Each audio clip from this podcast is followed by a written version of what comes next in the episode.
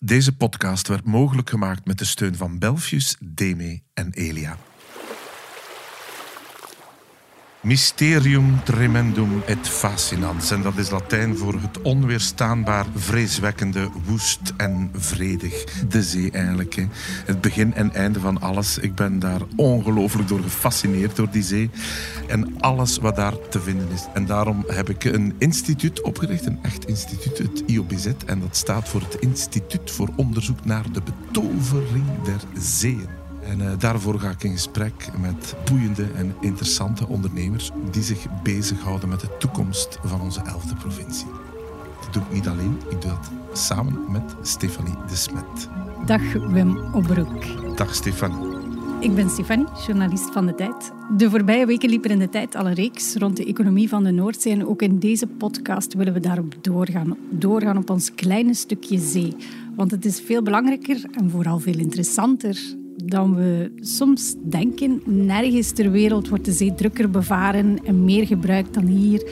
Er wordt ontzettend veel geëxperimenteerd in de blauwe economie. En in vier afleveringen gaan Wim en ik op onderzoek naar de toekomst van deze fascinerende blauwe economie. In deze aflevering gaan we in gesprek met Koen Gernaert, de man achter Dot Ocean, een bedrijf dat robots op het water maakt. Robots die er nu al zijn, maar die er in de toekomst nog veel meer gaan komen. Onder andere via Marszuur, een project waar Ocean bij betrokken is met de marine, met als bedoeling om de hele zee eigenlijk geautomatiseerd te bewaken. De Marszuur klinkt heel futuristisch eigenlijk, een robotbootje dat ronddobbert op de Noordzee. Waar, beste luisteraar van deze podcast, we zitten in Zeebrugge. We zitten in Zeebrugge op de marinebasis, vlakbij het onderzoeksschip de Belgica, dat dit jaar met pensioen gaat. 30 jaar lang was de Belgica de speel voor belangrijk marineonderzoek in ons land. En we zitten aan tafel met Koen Gernaert. Koen Gernaert, de man van de robot op zee.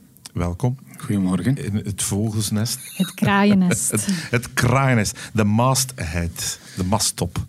Ja, het uitzicht is in ieder geval inspirerend. Je ziet de zee bijna 360 uh, rondom rond. Ja. Maar u kent het hier wel goed, de marinebasis? Well, de marinebasis op zich, wij, wij, zijn wel bezig met een aantal projecten voor Defensie. Dus um, ja, we zijn wel verbonden met een stukje met de marinebasis. Projecten voor Defensie, dat klinkt onmiddellijk ja, geheimhouderij. Uh, well, in, dit geval, secret. in dit geval gaat het over een... Um, het noemt Marsur, het project. Dat is een, een afkorting voor Maritime Security. En um, ja, wij hebben heel wat infrastructuur op zee. Hè, de windmolenparken, uh, kabels, onderzeese kabels. En uh, een van de opdrachten van de marine is om die security te garanderen. Via radardetecties te zien of er vaartuigen zijn die in die zones komen die niet toegankelijk zijn voor hen. Bijvoorbeeld binnen de windmolenparken. En dan gaan kijken wie is dat, wat doet hij daar, een soort inspectie doen. En op die manier zou je de capaciteit eigenlijk, want als je telkens een bemand schip moet erop afsturen, is dat natuurlijk een uh, hans andere inspanning. Dus Big Brother op zee. Big Brother op zee, maar het is vooral, ja, we zitten met een enorme buitengrens op zee. Ik denk dat we, we moeten in staat zijn om die, om, om die stukje te kunnen uh, bewaken. En dat is dan eigenlijk een soort drone, moet ik me dat voorstellen? Het is een onderwaterdrone. Het is een, een, een, drone die vaart. Dus het is een, een, een, een vaartuig op het water die elektrisch is aangedreven. En die kan vertrekken bijvoorbeeld vanuit uit een haven als hij een bepaald anomalie ziet. Oké. Okay. Maar ik kan dat zelfstandig doen. Dus in, het is eigenlijk zonder menselijke tussenkomst. En dan aan land zit er iemand met een uh, afstandsbediening? Of nee, nee, dus hij, hij doet dat zelfstandig. Het is echt een robot? Echt een robot, ja. Dus hij wordt een vooral... Hij krijgt robot. de taak... Ja. Hij, hij, hij, krijgt eigenlijk de taak om naar een bepaald punt op zee te gaan. Op een GPS-coördinaat. Okay. En die taak krijgt hij op het moment dat er bijvoorbeeld een anomalie op een radarbeeld wordt gezien. Een anomalie betekent ja, een vaartuig die in een zone komt die niet kan, of die een bepaalde beweging doet, een bepaald manoeuvre die, uh, die eigenlijk niet verantwoord is. Dan wordt hij eigenlijk opgeroepen en dan gaat hij vanzelf daar naartoe, naar dat punt waar, waar die anomalie zich voordoet. En dan kijkt hij en heeft hij... En... Hij heeft hij, onder andere hij heeft camera's aan boord, hij heeft ook nachtkijkers aan boord, dus om te zien, om te inspecteren wie is dat. Eigenlijk identificeren van de anomalie. Welk vaartuig is dat? Uh, En, en de kracht is dat je eigenlijk verschillende systemen op zee laat samenwerken. Een radarketting, dat is een statische sensor die op zee eigenlijk continu Mhm. speurt naar bewegingen. Als die iets raar ziet, dat je eigenlijk het, ja, een robot activeert om te gaan kijken.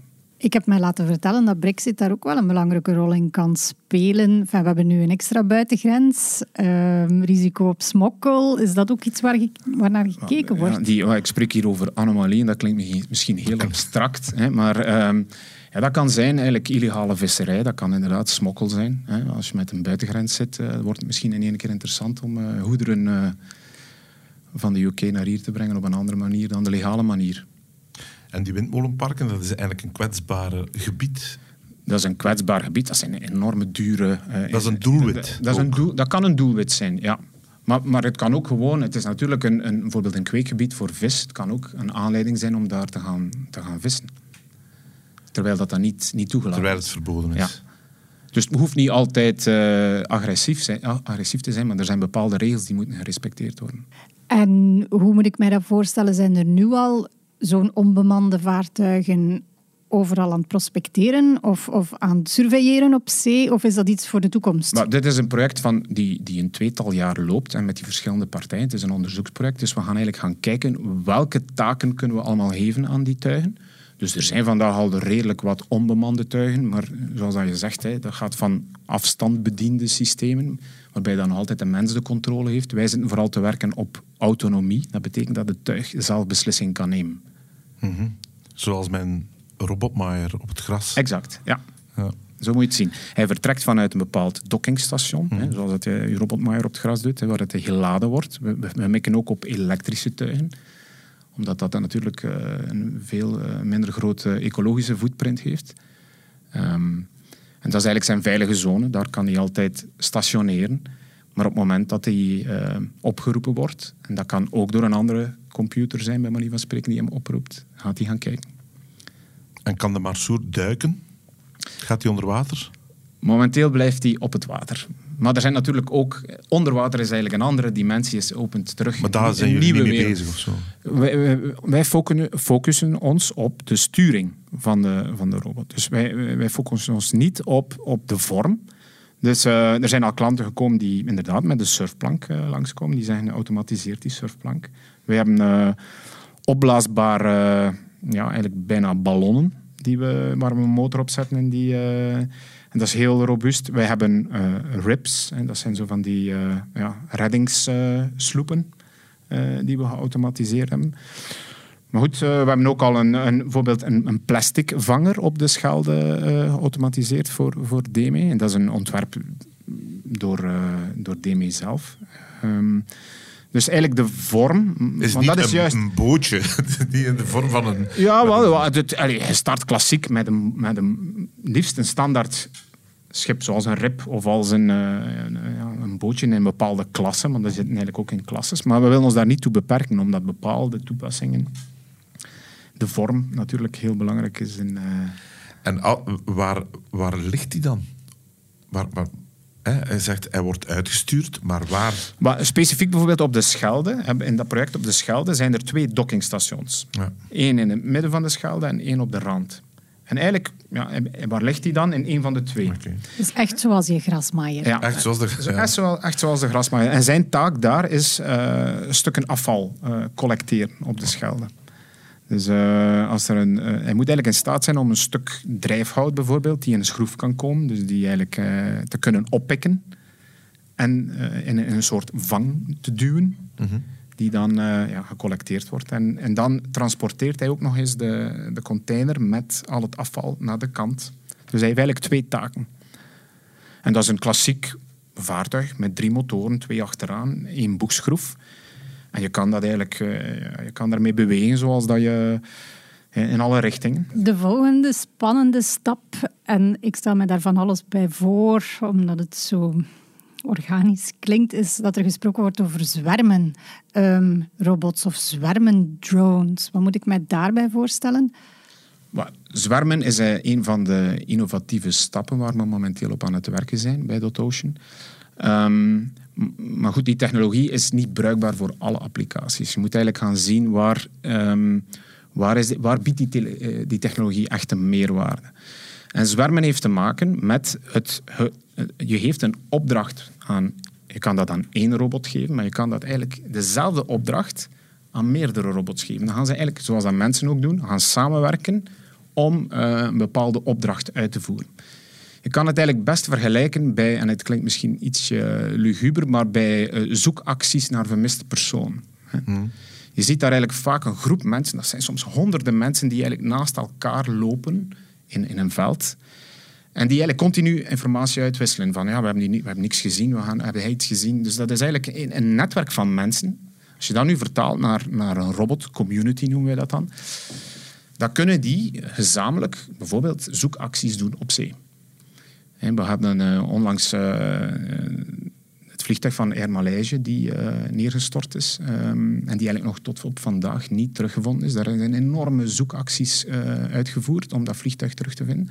Dus je moet rekenen, onder water is dat, dat is een enorme oppervlakte. Dus als je dat eigenlijk moet afspeuren met één robot, of zelfs met vijf robots, dan, dan is uw, uw coverage, uw dekkingsgraad eigenlijk zeer beperkt.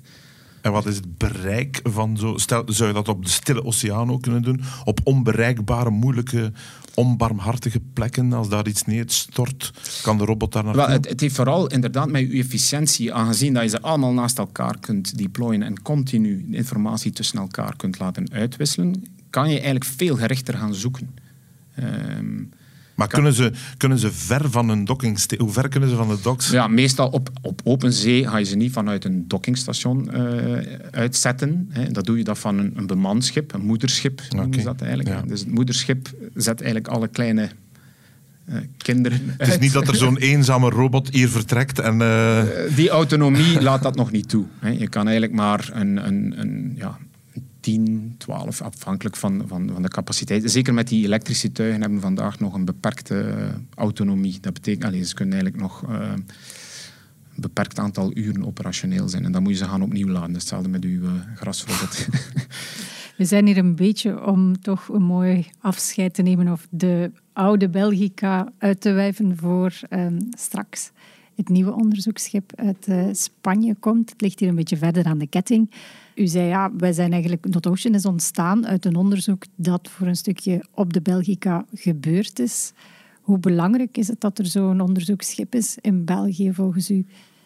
Ja, dat, dat, hebt, dat is eigenlijk een, een varend labo. Eh, dat, dat bevat eigenlijk alle elementen om een, eh, om, ja, grondig onderzoek. Ik denk, allee, ik heb het daarnet over die autonome tuin gehad en het ondersteunende, die, die, die hebben ook zijn hun beperkingen. Dus je hebt eigenlijk nog altijd ja, een bepaalde capaciteit nodig die toch... eh, ja, ik denk dat dat...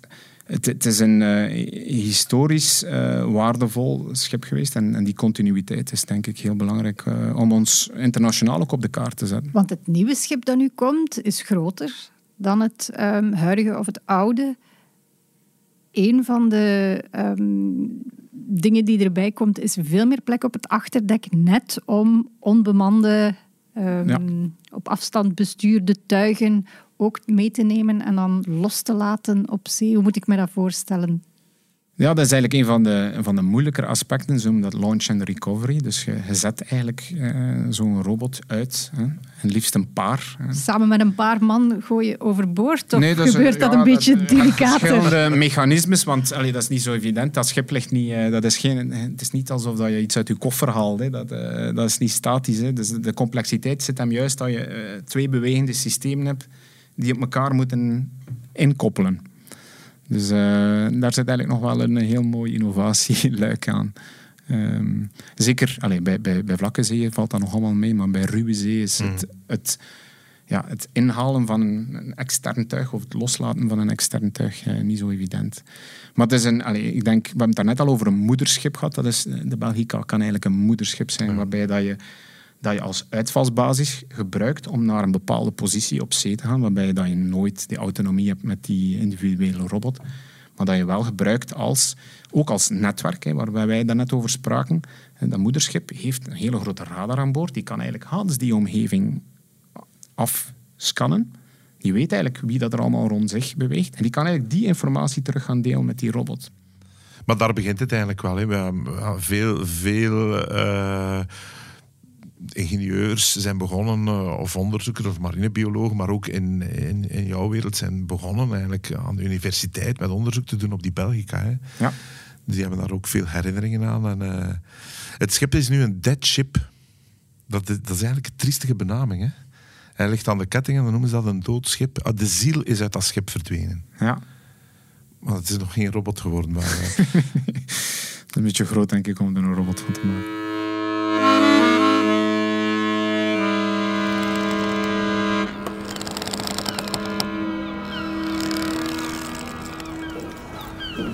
Hier al ooit op geweest? Nee? nee? Ja, ja maar, maar, één keer. Ja. We hebben één keer een test gedaan in, uh, in het dok hier. Waar ze dingen uh, uitzetten, zo'n frame die ze dan neerlaten. Ah, zo'n... Uh, jullie toestellen kantelen dan in het water? Ja, dat, meestal of wordt dat met, met, met, een kraan of zo uitgezet. Uh, je moet, moet iets hebben om het overboord te zetten. Ik heb de België bezocht en hier stond een barbecue gemaakt uit een oude bureaustoel van l'Armée Belge, denk ik. Uh, ja. Maar binnenin ook, als je het schip ziet, dat is echt een utiliteitsmachine. Dat is een tijdslijn. Hè. Ze hebben gewoon oude radar, kompassen en elke keer het nieuwste ernaast gebouwd. Dus het schip is eigenlijk denk ik wel ook op, opgevaren en opgebruikt. Wat moet er mee gebeuren volgens jou met zo'n schip? Ja, maar dan, allee, dat, is zo hartverscheurend ja, eigenlijk. het klinkt, eh, mocht het een tweede leven, maar het is, ja, als je het in, in, het kader van, van, van, de, van de efficiëntie en van de, ja, dan, dan is het misschien toch wel... Uh, het is, het is een, een duaal gevoel, denk ik. Je zit met die nostalgie en met die uh, historiek die eraan vasthangt. Maar anderzijds, ja, denk ik, uh, het is misschien ook uh, op een gegeven moment op. Ben je vlug zeeziek? Ik heb weinig, weinig last van gehad, ja. tot nu toe. Ja. Ondertussen ben ik ook alweer weg van, uh, van het water. Het, het, het is maar een, een, periode van een paar jaar geweest uh, dat we ons les geleerd hadden.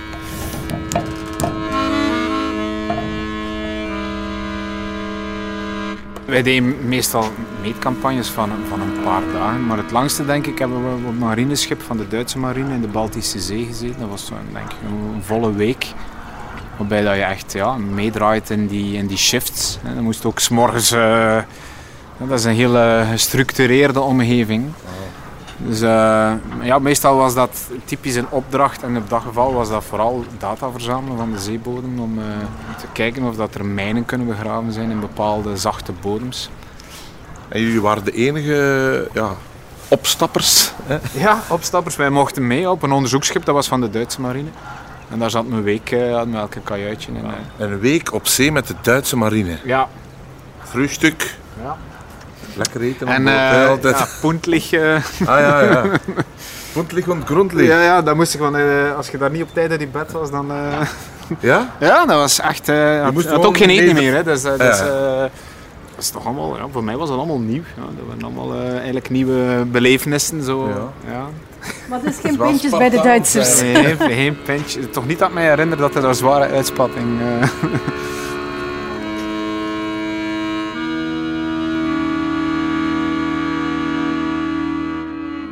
krijgen straks allerlei vreemde creaturen bij in zee. En het leven in zee is al zo ja. spannend. Is al zo spannend. Dan wou ik eigenlijk ook wel vragen hoe je staat uh, ethisch daartegenover. Hè?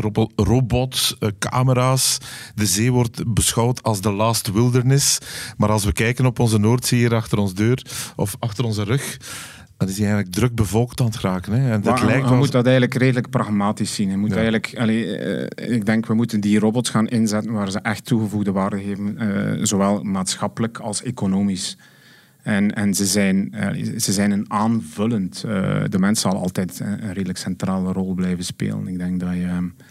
Maar vooral, allee, je moet ze eigenlijk gaan inzetten waar ze heel repetitieve taken moeten uitvoeren. Allee, er is vandaag eigenlijk niemand die nog discussieert over het feit dat een productiehal geautomatiseerd is. Mm er is niemand die nog een manueel een, een autozetel in een, in een productiehal van een autoassemblagefabriek manueel die, die zetel wil monteren in, in, in die wagen.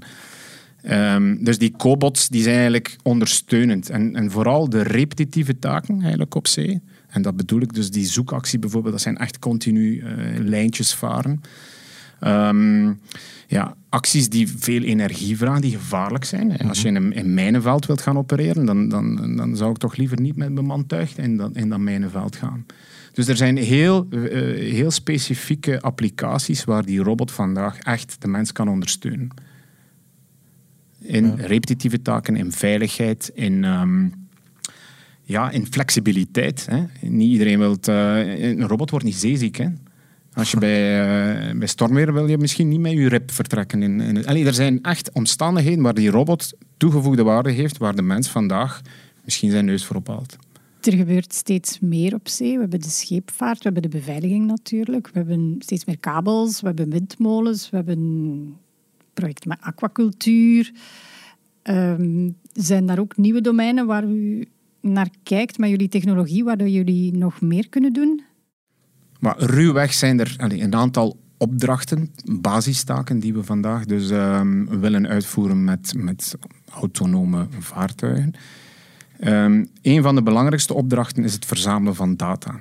Dus al die, die infrastructuur die je net beschrijft, ja, die moet eigenlijk onderhouden worden. Die moet geïnspecteerd worden. Die moet beveiligd worden. Dat zijn eigenlijk taken die door, een stukje door een robot kunnen ondervangen worden. Dus we zitten vooral eigenlijk naar vier applicaties te kijken. Het verzamelen van data. Vandaag gebeurt dat vaak nog met bemande schepen. Moet je dan een keer inbeelden dat je eigenlijk een, een dataset, en dat kan een bodemkaart zijn of dat kan misschien waterstalen zijn, nemen.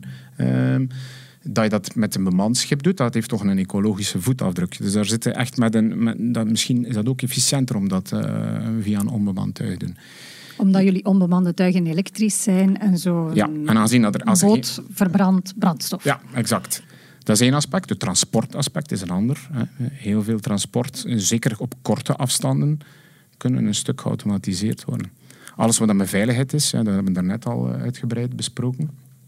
Maar ook handelingen, echte, echte ehm, ja, handelingen, zoals bijvoorbeeld, uh, ja, stel nu dat je een bepaald event hebt, zoals een drenkeling. Een drenkeling dat treedt niet continu op, dat treedt ene keer in zoveel tijd op. Maar je moet wel iemand permanent eigenlijk laten uitkijken over een bepaald gebied. Dus je spendeert eigenlijk heel veel tijd dat je niet productief bent. Terwijl wachten voor een robot kost geen geld. Die kan perfect zitten wachten totdat er een drenkeling of een, allez, of een, gespot wordt. Gespot wordt ja. En daar bestaan vandaag ook sensoren voor om mensen te spotten die in bepaalde omstandigheden uh, aan het bewegen zijn, bijvoorbeeld. En dan vertrekt de robot. En dan vertrekt de robot. Hè. Maar dus tijd is een ander... Allez, in, in, in, met automatisatie wordt tijd een ander... Als, krijgt tijd een ander aspect. Die kan gewoon uren wachten zonder dat je hem eh, eten en drink moet geven. En zijn jullie met Dot Ocean, ah, uw naam zegt het eigenlijk zelf, alleen op het water bezig? Of, uh, we zijn nog een andere in een, een ander defensiedossier zijn we uh, een stukje op land aan het gaan. En daar, gaan we, ja, daar zijn we eh, aan, het, aan de slag met uh, autonome grondrobots in zwerm. En onze opdracht is inderdaad om daar die gecoördineerde taken te laten uitvoeren door grondrobots. Bijvoorbeeld... Wat is het voordeel van die zwermen in zo'n constellatie van grondrobots? Is, er kan eentje voorop lopen die kan om de hoek kijken en eigenlijk informeert hij de rest van de, van de groep. Als je door een, een, een bos wandelt, hè, bijvoorbeeld, ja, dan kan je ze maar beter allemaal achter elkaar. Hè. Dan zoek je eigenlijk het pad van de minste weerstand. Dus dat zijn eigenlijk allemaal taken die gecoördineerd gebeuren. Doe je zoekactie, dan moet je inderdaad allemaal in verspreide eh, slagorde over een veld lopen. Dus dat soort uh, ja, taken die dan gecoördineerd worden tussen die verschillende robots, dat is een stukje software die wij... Uh, aan het ontwikkelen zijn. Is de Noordzee een goed gebied om dat allemaal um, ik denk te dat we hier, ontwikkelen? Ik denk dat we hier uh, ja, echt uh, geprivilegeerd zijn om, om het hier te kunnen ontwikkelen. We zitten hier met, uh, ja, we zitten hier met, met wereldhavens, we zitten hier met windmolenparken. we zitten hier straks met een aquacultuur, zeeboerderij. Dus er zijn enorm veel applicaties die hier ontwikkeld worden, waardoor dat we ja, de use cases of de mogelijkheden om dingen te gaan uitproberen, uh, die, zijn, die zijn legio hier. Dus het buitenland daarna lonkt? Het enige nadeel is dat we hier intern een heel beperkt hebben. We zijn een klein land, we hebben een kleine interne markt. Dus vanaf dat, we, dat het hier aanslaat, dat we hier iets proeven hebben, dan kunnen we daar eigenlijk mee naar buitenland. En moeten we dan mee naar buitenland, want uh, de echte schaal gaan we hier nooit bereiken, omdat wij toch wel uh, ja, beperkt zijn. U bent eigenlijk ook uh, voorzitter van de KMO's binnen de Blauwe Cluster. De Blauwe Cluster is dan de speerpuntcluster van Vlaanderen die inzet op alles wat met economie op zee, op en rond de zee te maken heeft. Uh, iedereen kent de grote jongens, Deme, Jan de Nul, um, Colruyt met de windmolens en nu de zeeboerderij, Sioen. Maar er zijn eigenlijk ook een heel pak um, KMO's. Jullie zijn daar één van. Hoe belangrijk is dat dan? Hoe belangrijk is het dan dat dat netwerk zich Ja, als, als KMO-zaakvoerder besef ik eigenlijk heel goed dat de eerste basis, als je wilt, als je wilt zaken doen in, in, in de blauwe economie, is de eerste basis is, is toegang tot een netwerk. Je moet eigenlijk ja, de spelers kennen, maar ze moeten ook toegankelijk zijn. En eh, dat is, allee, daar, daar, neemt de, de cluster eigenlijk een hele belangrijke rol in, omdat je daar, vandaag zijn we met meer dan 150 leden. Maar het, het leeuwendeel, je hebt natuurlijk de founding fathers die je net genoemd hebt, maar het leeuwendeel zijn kleine bedrijven zoals wij. Ja, en het is super belangrijk dat je toegang krijgt tot hè, die, die grote investeringsprojecten. Daar gaan een KMO nooit rechtstreeks kunnen op aanbieden. Dus dat, dat matchmaking, dat netwerk, het zicht hebben op waar zit er hier een opportuniteit voor mij, waar kan ik eigenlijk mee uh, op bepaalde kansen. Ja, dat kan je alleen maar in een bepaalde community waar al die bedrijven zich uh, verenigen. Dus dat is eigenlijk een eerste belangrijke rol. De tweede belangrijke rol, denk ik, is uh, ja, het, het, innovatieplatform. Hè. Dus, de Blauwe Cluster is in eerste instantie opgericht als een innovatiecluster. Daar speelt Vlaio een hele belangrijke rol. Um, Waarmee dat dus die, die, die grote en die kleine bedrijven samen innovatiedossiers kunnen indienen. Dus eigenlijk, uh, de stap is eerst elkaar leren kennen. weten wie wat aanbiedt. Hè. Dat is dus heel belangrijk voor die KMO's. Tweede is mee kunnen in die innovatiedossiers. Dat je echt een roadmap hebt in je bedrijf die, die continu innoveert. En derde is natuurlijk het, het, valoriseren. Je maakt iets nieuws, maar je moet dat naar de markt krijgen. En, en, en dat, is, uh, dat kan via verschillende methodes. Je kan een stukje gaan cross-sellen, dat je elkaar, aangezien dat je complementaire producten hebt, elkaar meeneemt in bepaalde mhm. projecten. Um, maar als je ziet, de meeste projecten zijn, zijn totaaloplossingen. Dat, gaat met zo, dat, bevat zoveel aspecten dat eigenlijk geen enkel bedrijf, zelfs die grote bedrijven, niet in staat zijn om Hans die ketting van zo'n project alleen te beheersen. Dus zij hebben ook nood aan ja, ehm, innovatieve technieken, eh, bedrijven die echt in de diepte gaan een specialiteit kunnen toevoegen. Zitten daar ehm, universiteiten in, in Blauw Cluster? Absoluut. Dus, ik heb het nu vooral over de bedrijven gehad, maar de havens zijn er ook aanwezig. De kennisinstellingen zijn er ook aanwezig. Dus je hebt eigenlijk het, alle lagen van...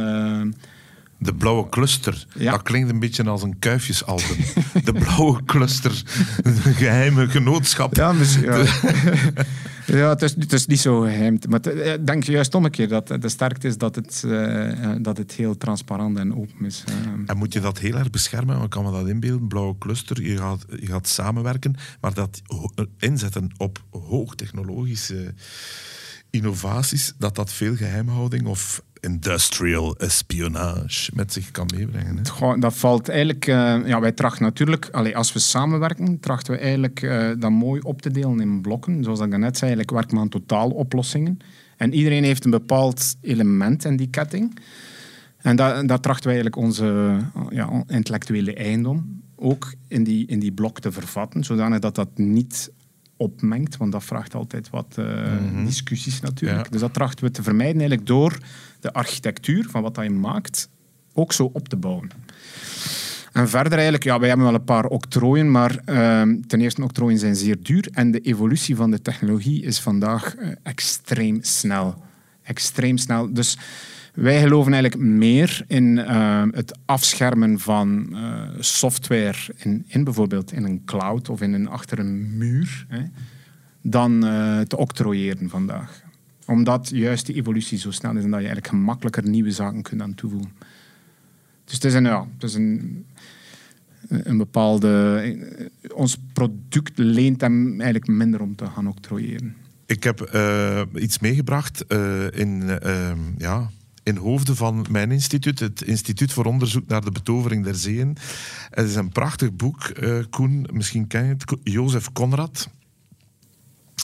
Apocalypse Now is daarop gebaseerd, okay, uh, op een van zijn boeken, uh, Heart of Darkness. Maar die heeft ook een schitterend boek over de zee. De zee, een spiegel. Eh, het is eigenlijk een en al metafoor voor geven en nemen, geboren worden en weet. Ik zal een keer voorlezen. Hè.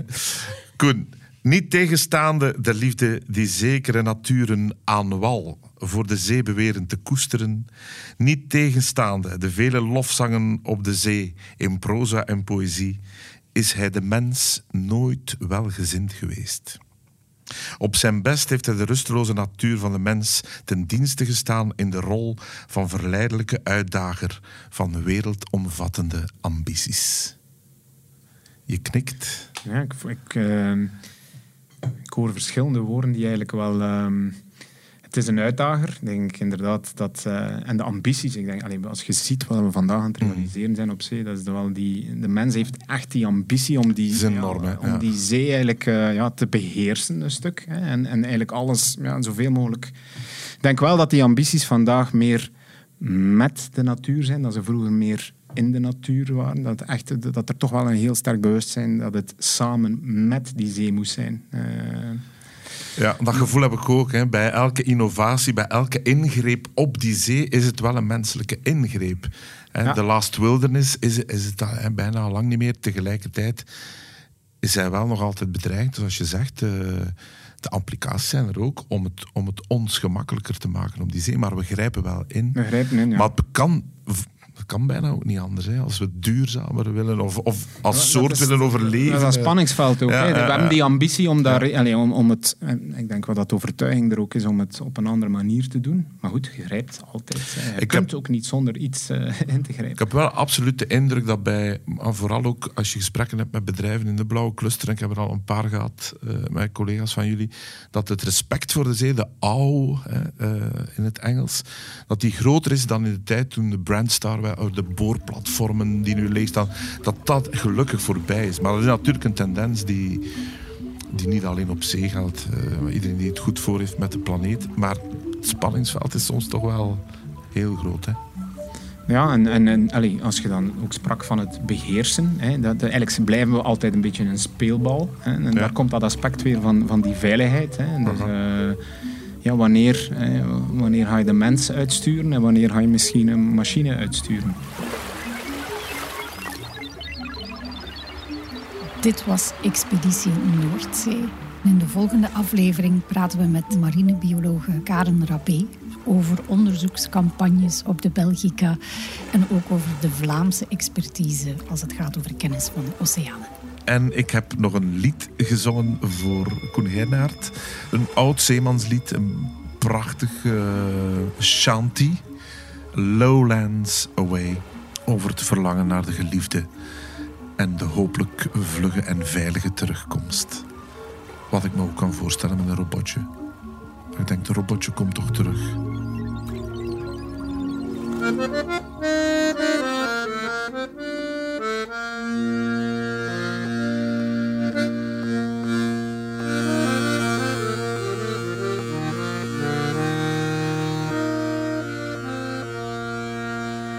I dreamed a dream the other night. Hello, lands. Hello, lands away, my John. I dreamed a dream the other night.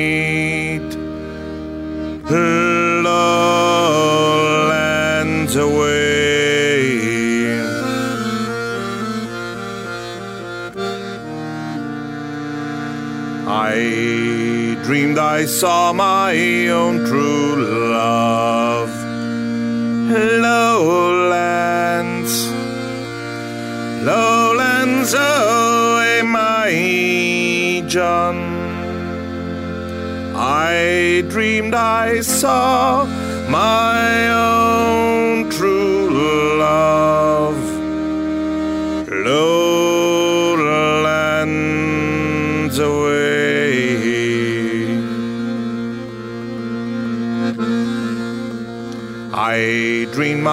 love was drowned and dead.